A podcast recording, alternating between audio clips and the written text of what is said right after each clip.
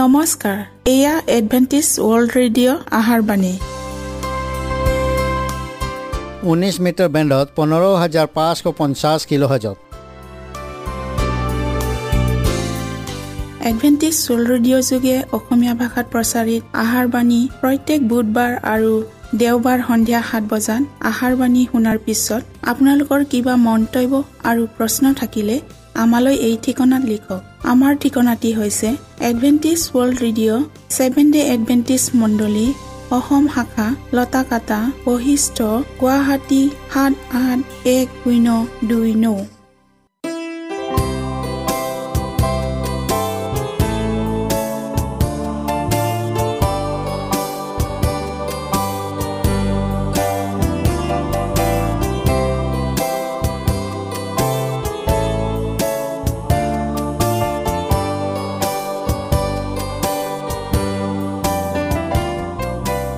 প্ৰিয় শ্ৰোতা বন্ধুসকল এতিয়া শুনো আহক এটি খ্ৰীষ্টীয় ধৰ্মীয় গীত।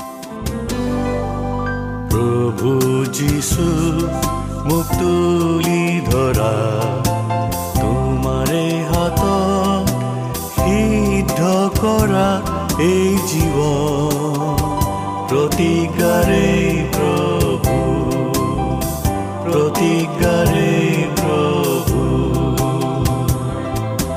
পৰীক্ষা কৰা মুখুচি কৰা পৰীক্ষা কৰা মুখুচি কৰা পূৰ্ণ কৰা এই জীৱ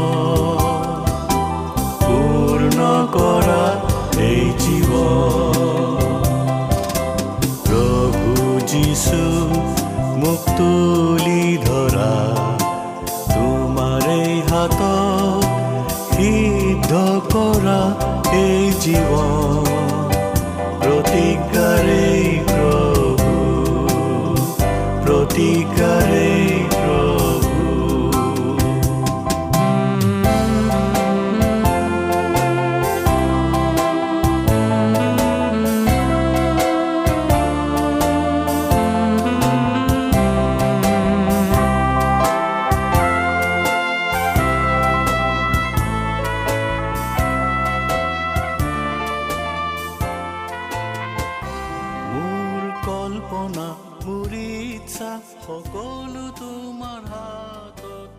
প্ৰিয় শ্ৰোতা বন্ধুসকল আহক আমি খন্তেক সময় বাইবেল অধ্যয়ন কৰোঁ হওক। আজিৰ আমাৰ বিষয়টি হ'ল এটা দৃঢ় ভিত্তিমূল। বাইবেল পতি লোৱা হৈছে দ্বিতীয় থিমতীয় দুই অধ্যায়ৰ ঊনৈছ পদ। তথাপি ঈশ্বৰে স্থাপন কৰা দৃঢ় ভিত্তিমূল তীৰে থাকে। তাৰ ওপৰত এই কথা মোহৰ মৰা আছে। প্ৰভুৱে তেওঁলোকক জানে আৰু যিকোনোৱে প্ৰভুৰ নাম লয় তেওঁ অধাৰ্মিকতাৰ পৰা দূৰ হওক। আমি প্ৰাৰ্থনা কৰোঁ হওক। স্বৰ্গত থকা জীৱনময় গৰাকী ঈশ্বৰ জেহুৱা ধন্যবাদ প্ৰভু তোমাৰ অনন্তকলীয়া আশীৰ্বাদৰ বাবে। প্ৰভু এতিয়া আমি যি বিষয়টিলৈ অধ্যয়ন কৰিবলৈ আগবঢ়াইছোঁ। তুমি আমাক সেই বিষয়টিলৈ বুজিবলৈ জ্ঞান আৰু বুদ্ধি দিয়া। প্ৰত্যেক শ্ৰোতাৰ লগত তুমি পবিত্ৰ আত্মাৰ যোগেদি থাকিবা আৰু হৃদয় স্পৰ্শ কৰি দিবা। যীশুৰ নামত খুজিলোঁ আমেন। প্ৰকৃত সত্য আৰু বিশ্বাসত গ্ৰেনাইট শিলৰ দৰে দৃঢ় লোকক প্ৰভুৱে নিজৰ লগত ৰাখিব। জগতত ইহঁতেই তেওঁৰ সাক্ষী হ'ব। তেওঁৰ আগমনৰ প্ৰস্তুতিৰ গৌৰৱময় কাৰ্যৰ বাবে ইহঁতে তেওঁৰ সঁজুলি স্বৰূপ হ'ব। যিসকল প্ৰভুৰ কাৰ্যতাই পৰম উৎসাহ আৰু আন্তৰিকতাৰে সত্যতাক প্ৰচাৰ কৰিলে তেওঁবিলাকে পদভ্ৰষ্ট হৈ আমাৰ শত্ৰুসকলৰ লগ হ'ব পাৰে। কিন্তু এনে পশ্চাদঘাতী কাৰ্যত দ্বাৰা তেওঁবিলাকে ঈশ্বৰৰ পৰম সত্যটোক অসত্যত পৰিণত কৰিব পাৰিবনে? অসম্ভৱ। পাচনিজনে কৈছে ঈশ্বৰে স্থাপন কৰা ভিত্তিমূল হৈছে সুদৃঢ় মানুহৰ আৰু বিশ্বাস সলনি হ'ব পাৰে। কিন্তু ঈশ্বৰৰ সত্যতা কেতিয়াও সলনি নহয়। ঈশ্বৰৰ থকাটো যেনেকৈ সত্য সেইদৰে যি সত্যতাটোক আমি লাভ কৰিলোঁ সেইটো অনুচিত।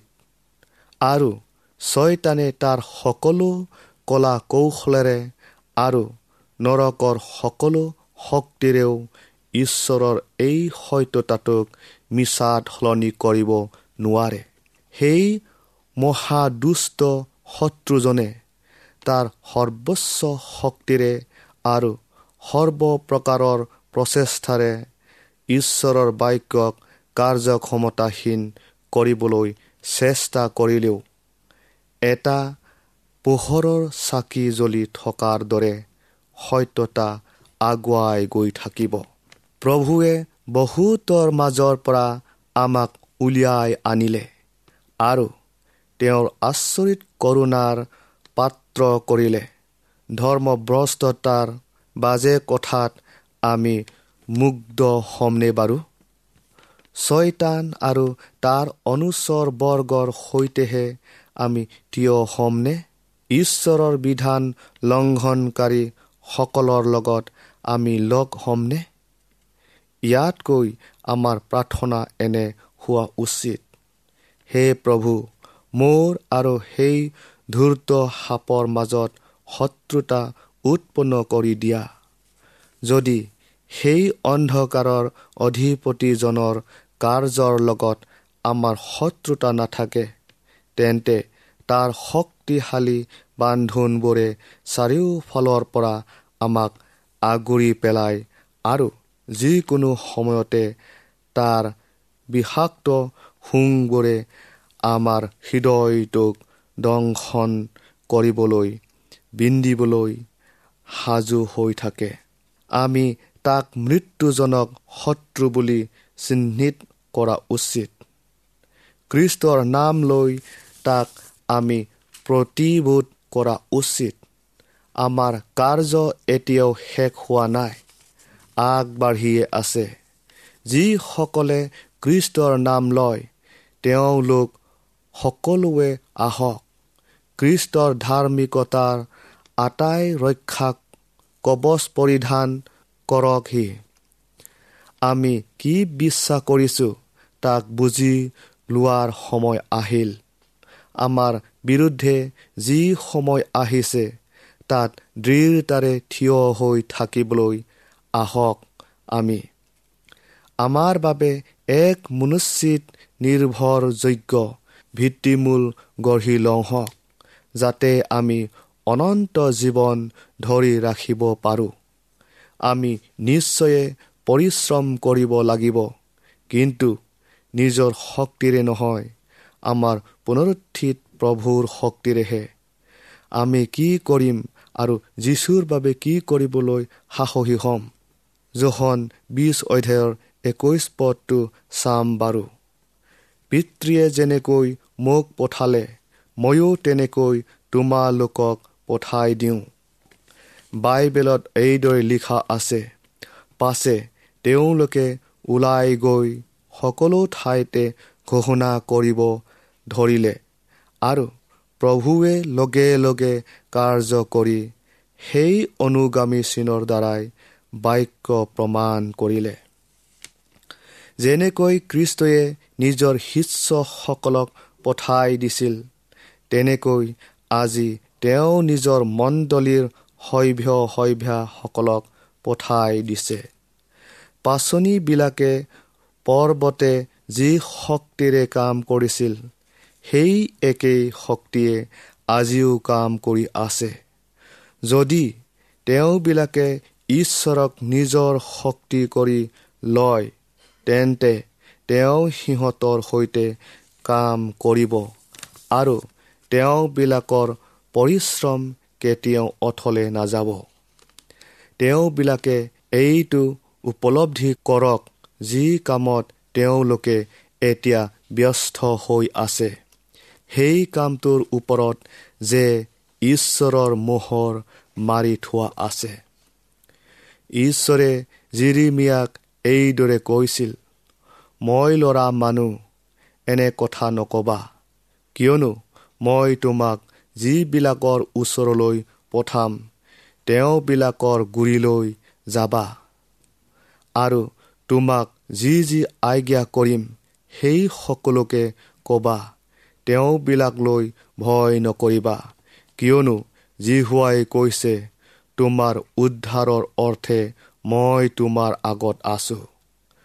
পাছে জিহুৱাই নিজ হাত মেলি মোৰ মুখ স্পৰ্শ কৰিলে আৰু জিহুৱাই মোক ক'লে চোৱা মই মোৰ বাক্য তোমাৰ মুখত দিলোঁ।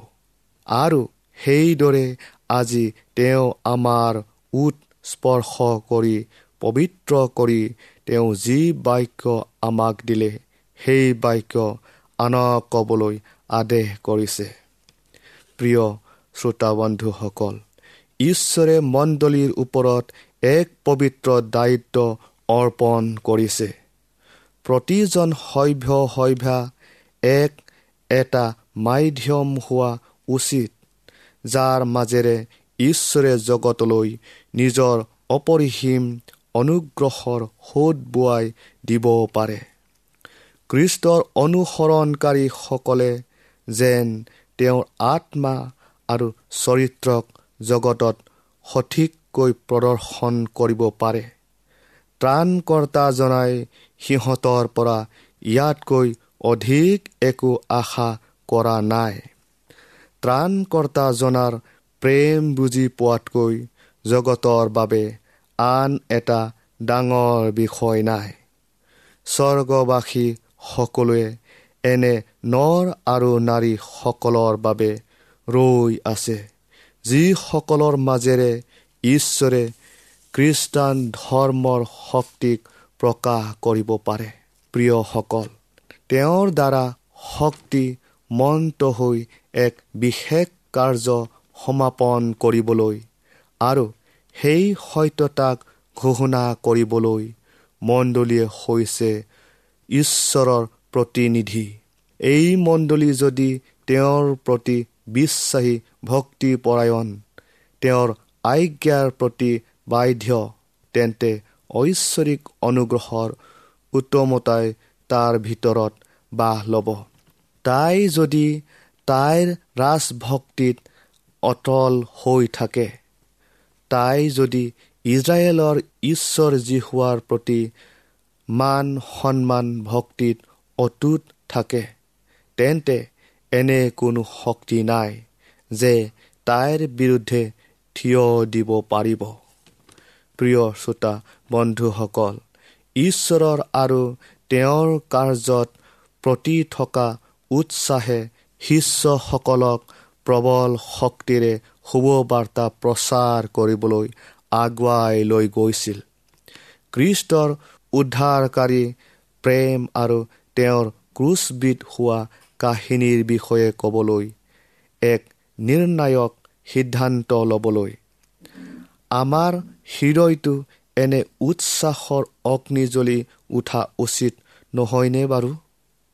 প্ৰিয়সকল প্ৰতিগৰাকী খ্ৰীষ্টানৰ বাবে মাত্ৰ তেওঁক চাবলৈ নহয় ত্ৰাণকৰ্তাজনাক আগবঢ়াই আনিবলৈকো এক সুন্দৰ সুযোগ আহি আছে।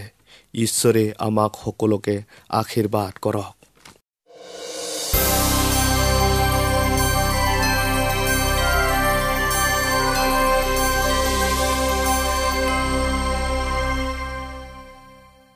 আজিৰ আমাৰ বিষয়টি হ'ল এলেহুৱাৰ সংখ্যা কিয় ইমান অধিক? বাইবল পতি লোৱা হৈছে পাচনি কৰ্ম এক অধ্যায়ৰ আঠ পথ কিন্তু যেতিয়া তোমালোকৰ ওপৰলৈ পবিত্ৰ আত্মা আহিব তেতিয়া তোমালোকে শক্তি পাবা আৰু জেৰুচালেম আদি কৰি গোটেই যিহুদীয়া আৰু চমৰীয়া দেশত আৰু পৃথিৱীৰ সীমালৈকে তোমালোকে মোৰ সাক্ষী হ'বা। আমি প্ৰাৰ্থনা কৰোঁ হওক। স্বৰ্গত থকা ত্ৰাণকৰ্তা প্ৰেমময় ঈশ্বৰ যে হোৱা। ধন্যবাদ প্ৰভু আকৌ এই বিশেষ সুন্দৰ সময় আমাক দিয়াৰ বাবে। প্ৰভু দিনে দিনে যেন আমি এই বাইবেল অধ্যয়নৰ যোগেদি তোমাৰ চৰণত আগবাঢ়ি আহিব পাৰে তেনে তুমি আমাক আশীৰ্বাদ দান কৰা। আৰু প্ৰত্যেক শ্ৰোতাৰ লগতো পবিত্ৰ আত্মাৰ যোগেদি তুমি থাকিবা। প্ৰভু যীশুৰ নামত খুজিলোঁ। আমেন। যি বিশ্বস্ততাৰে আদি শিষ্যসকলে তেওঁৰ বাণী প্ৰচাৰ কৰিছিল তাক প্ৰতিটো যুগৰ বিশ্বাসীসকলে পাই আছে। যিসকলে সেই শুভবাৰ্তা গ্ৰহণ কৰিলে তেওঁবিলাক প্ৰতিজনকে সেই পবিত্ৰ সত্যতাটোক দিয়া হৈছে যাতে ইয়াক পৃথিৱীত বিলাই দিব পাৰি। ঈশ্বৰৰ বিশ্বাসী লোকসকলৰ সদায় আগৰণুৱা মিছনাৰী হৈ আহিছে। তেওঁবিলাকৰ সকলোখিনিকে তেওঁৰ মান সন্মানৰ অৰ্থে সমৰ্পিত কৰি আহিছে আৰু অতি জ্ঞানতাৰে তেওঁবিলাকৰ প্ৰতিভাবোৰক তেওঁৰ পৰিচৰ্যাত ব্যৱহাৰ কৰিছে। ঈশ্বৰৰ মণ্ডলীৰ সভ্য সভ্যাসকল ভাল কাম কৰিবলৈ সদায় উদ্যোগী। তেওঁবিলাকে জগতৰ ইচ্ছাবিলাসৰ পৰা নিজকে পৃথক কৰি ৰাখে আৰু তেওঁৰ পথত চলি ভাল কৰিব ভাল পায়। তেওঁবিলাকৰ হৃদয়বোৰ মৰম আৰু মহানুভূতিৰে পূৰ্ণ কৰি লয়। যিবিলাকক সহায়ৰ প্ৰয়োজন তেওঁবিলাকক সহায় কৰে আৰু পাপীসকলক ত্ৰাণকৰ্তাজনাৰ প্ৰেমৰ লগত পৰিচয় কৰাই দিয়ে। এনেকুৱা ধৰণৰ কামৰ বাবে কঠোৰ পৰিশ্ৰমৰ প্ৰয়োজন কিন্তু এই কামৰ পুৰস্কাৰো কম নহয়। যিসকলে বিশ্বস্ততাৰে আৰু আন্তৰিকতাৰে এই কাৰ্যত আত্মা নিয়োগ কৰে। তেওঁবিলাকে অনেক লোকক ত্ৰাণকৰ্তাৰ ওচৰলৈ আনিবলৈ সমৰ্থ হয়। আত্মা আৰু কইনাই কয় আহা। আৰু যিজনে শুনে তেওঁ বোলক আহা। নিমন্ত্ৰণৰ পত্ৰ বিলাবলৈ যাৰ ওপৰত দায়িত্ব দিয়া হৈছে সেয়া হৈছে গোটেইটো মণ্ডলী যিসকলে এই নিমন্ত্ৰণৰ বাণীক শুনিলে তেওঁবিলাকেও এই বাণীক পাহাৰে ভৈয়ামে প্ৰচাৰ কৰিব লাগিব। তেওঁবিলাকৰ আহা বুলি কোৱাৰ মাতেৰে পৰ্বত ভৈয়ামত ধনী প্ৰতি ধনীত হ'ব লাগিব। সহস্ৰ হয় হাজাৰ হাজাৰ যিবিলাকে পৰিত্ৰাণৰ বাণীক শুনিলে। তেওঁবিলাকে সাত বজাৰত এতিয়াও এলেহুৱা হৈয়ে আছে। কিয়নো এনেকুৱা ঠাইবিলাকত শুভবাৰ্তা প্ৰচাৰৰ বাবে কিবা এটা নহয় কিবা এটা তেওঁবিলাকে কৰিব পাৰিলেহেঁতেন কিন্তু কৰা নাই। এনে লোকক কৃষ্টই এইদৰে কৈছে তহঁতে কি কাৰণে ইয়াত দিনটো এনেই থিয় হৈ আছা হওক তেওঁ সিহঁতক তহঁতো মোৰ দ্ৰাক্ষাবাৰীলৈ যা এই বুলি পৰামৰ্শ দিছিল। কিয়নো বাৰু এই আহ্বানক বহুতো লোকে আওকাণ কৰে। ইয়াৰ কাৰণ হ'ল সিহঁতে নিজে ভাবে যে সিহঁতে বিনা কাৰণত পুলপিতত এনেই থিয় হৈ থকা নাই। পুলপিতত থিয় হৈ হাজাৰজন সমৰ্পিত সাধাৰণ সভ্যৰ বাবে যে তেওঁবিলাকৰ কৰিবলগীয়া অনেক কাৰ্য আছে তেওঁবিলাকে সেই কথাটোক বুজি উঠক। নিজৰ নিজৰ সামৰ্থতা অনুযায়ী সকলোৱে যেন তেওঁৰ ইচ্ছাৰ নিচিনা কাম কৰিব পাৰে। তাৰ বাবে গোটেই মণ্ডলীত কৰ্তব্য পৰায়ণতাৰ এক জাগৰণ জাগি উঠে। তাৰ বাবে ইমান দিনে ঈশ্বৰে বাট চাই থাকিল। যেতিয়া ঈশ্বৰৰ মণ্ডলীৰ সভ্য সভ্যাসকলে ঘৰত থাকি আৰু সেইদৰে বাহিৰলৈ গৈ প্ৰভুৰ বাক্যৰ বাবে ভোকত থকা অঞ্চলবোৰলৈ গৈ নিজৰ ভাগত পৰা কৰ্তব্যখিনিক পালন কৰে তেতিয়া অতি সোনকালে সমগ্ৰ জগতখনক সতৰ্কৰ বাণী দিয়া হ'ব। আৰু আমাৰ প্ৰভু সোনকালে প্ৰতাপ আৰু মহিমাৰে পৃথিৱীলৈ আহিব। সকলো জাতিলৈ সাক্ষ্য হ'বলৈ ৰাজ্যৰ এই শুভবাৰ্তা গোটেই জগততে ঘোষণা কৰা হ'ব। তেতিয়াহে শেষ হ'ব। ঈশ্বৰৰ লগত সম্পৰ্ক ৰখা কাৰ্যতকৈ আন কোনো কাৰ্যই ডাঙৰ হ'ব নোৱাৰে। আমি আমাৰ দৈনন্দিন জীৱন যাত্ৰাৰ দ্বাৰা এইটো দেখুওৱা উচিত যে ত্ৰাণকৰ্তাজনাত আমাৰ শান্তি আৰু বিশ্ৰাম আছে। তেওঁৰ শান্তি যে আমাৰ হৃদয়ত আছে সেয়া আমাৰ মুখমণ্ডলত প্ৰকাশ পাব লাগিব। ঈশ্বৰৰ লগত সু সম্পৰ্ক ৰখা সম্বন্ধটোৱে ব্যক্তিজনৰ চৰিত্ৰটোক আৰু গোটেই জীৱনটোকে আকৰ্ষণীয়কৈ অলংকৃত কৰিব। সেই আদি শিষ্যগণৰ সৈতে যীশু যেনেকৈ আছিল তেওঁ যে এতিয়াও আমাৰ লগতো আছে তাক পৃথিৱীবাসীয়ে স্বীকাৰ কৰিব। এই ধাৰণাটোৱে ঈশ্বৰৰ কৰ্মকৰ্তাসকলক এক শক্তিৰ প্ৰেৰণা দিব যাক কোনেও দিব নোৱাৰে। আমি দুখলপীয়া জীৱন যাপন কৰিব লাগিব। এক বিবেচনাযুক্ত আৰু কৰ্মময় জীৱন নীৰৱ প্ৰাৰ্থনা আৰু আন্তৰিকতাপূৰ্ণ কৰ্মৰ জীৱন। যিসকলে ঈশ্বৰৰ অধীনত প্ৰশিক্ষণ লৈ আছে সিহঁতে নিজৰ হৃদয়ৰ লগত প্ৰকৃতিৰ লগত আৰু ঈশ্বৰৰ লগত সু সম্পৰ্ক বজাই ৰাখিবলৈ কিছুমান নীৰৱ সময়ৰ প্ৰয়োজন হয়। আমাৰ হৃদয়লৈ কোৱা তেওঁৰ বাক্যক আমি ব্যক্তিগতভাৱে শুনিব পাব লাগিব। যেতিয়া আন মাতবোৰ নাইকিয়া হ'ব আৰু এক নীৰৱতাৰ পৰিৱেশ আহি পৰিব তেতিয়া আমি তেওঁৰ ওচৰলৈ আহিলে। তেওঁৰ মাতটোক স্পষ্টকৈ শুনিবলৈ পাম। তেওঁ আমাক এইদৰে আদেশ কৰিছে ক্ষান্ত হোৱা মই যে ঈশ্বৰ তাক বুজা। ঈশ্বৰৰ বাবে কাৰ্য কৰিবলৈ নিজকে প্ৰস্তুত কৰা। কাৰ্যটো ঈশ্বৰক বুজি পোৱাটোৱে আচল আৰু প্ৰধান কাম। ব্যস্ততাপূৰ্ণ জনতাৰ হাই উৰুমিৰ মাজত আৰু জীৱনৰ নানা তিতা কেহা ঘাট প্ৰতিঘাতৰ মাজতো যিজনে নিজকে বচাই ৰাখি সজীৱ কৰি ৰাখে তেওঁক এক পোহৰ আৰু শান্তিৰ বাতাৱৰণে চাৰিওফালৰ পৰা আগুৰি ৰাখিব। তেওঁ নতুন নতুন শাৰীৰিক তথা মানসিক শক্তি লাভ কৰি থাকিব।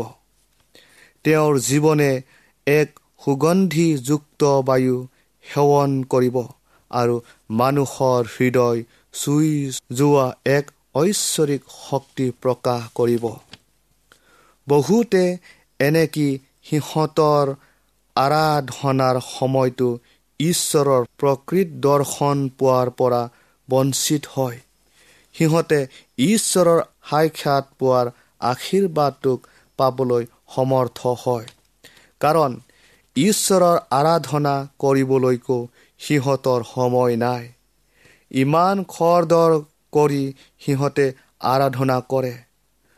বৰ তাৰাতাৰি কৰি সিহঁতে কৃষ্টৰ প্ৰেমৰ গঁড়ালত সোমাবলৈ কোচ পেলায়। হয়তো একোচ ভিতৰলৈকো সোমাই যায়। কিন্তু তেওঁৰ পৰা সুপৰামৰ্শ ল'বলৈ ৰৈ নাথাকে। ঐশ্বৰিক শিক্ষকজনৰ ওচৰত ৰৈ থাকিবলৈ সিহঁতৰ সময় নাই। সিহঁতৰ কাণ্ডত থকা ভাৰ ননুমোৱাকৈ সিহঁতে আকৌ সিহঁতৰ কৰ্মক্ষেত্ৰলৈ যায়। এনে প্ৰকাৰৰ মানুহে শক্তিৰ আধাৰ কোন তাক চিনি নোপোৱালৈকে সিহঁতৰ কৰ্মত চৰম কৃতকাৰ্যতাক কেতিয়াও লাভ কৰিব নোৱাৰে। প্ৰিয় শ্ৰোতা বন্ধুসকল চিন্তা কৰিবলৈ প্ৰাৰ্থনা কৰিবলৈ আৰু দৈহিক মানসিক আৰু আত্মিক শক্তি পাবলৈ ঈশ্বৰৰ ওচৰত অপেক্ষা কৰিবলৈ সিহঁতে সময় উলিয়াই ল'ব লাগিব। সিহঁতৰ বাবে পবিত্ৰ আত্মাৰ শক্তিৰ প্ৰয়োজন। ইয়াক পাব পাৰিলেহে সিহঁতৰ জীৱন সজীৱ হৈ শক্তিমন্ত হ'ব।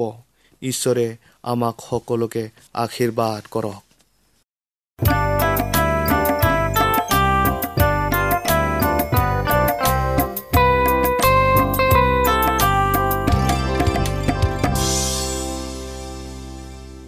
মনত ৰাখিব আমাৰ ঠিকনাটি পুনৰ কৈ দিছোঁ। Adventist world radio' Assam region of seven day adventist voice of hope Latakata Basistha Guwahati seven eight one zero' two nine প্ৰিয় শ্ৰোতা বন্ধুসকল এডভেণ্টিজ ৱৰ্ল্ড ৰেডিঅ' যোগে আহাৰবাণী প্ৰচাৰত আপোনালোকক পুনৰ লগ পোৱাৰ আহাৰে আজিলৈ সামৰিলোঁ। ধন্যবাদ।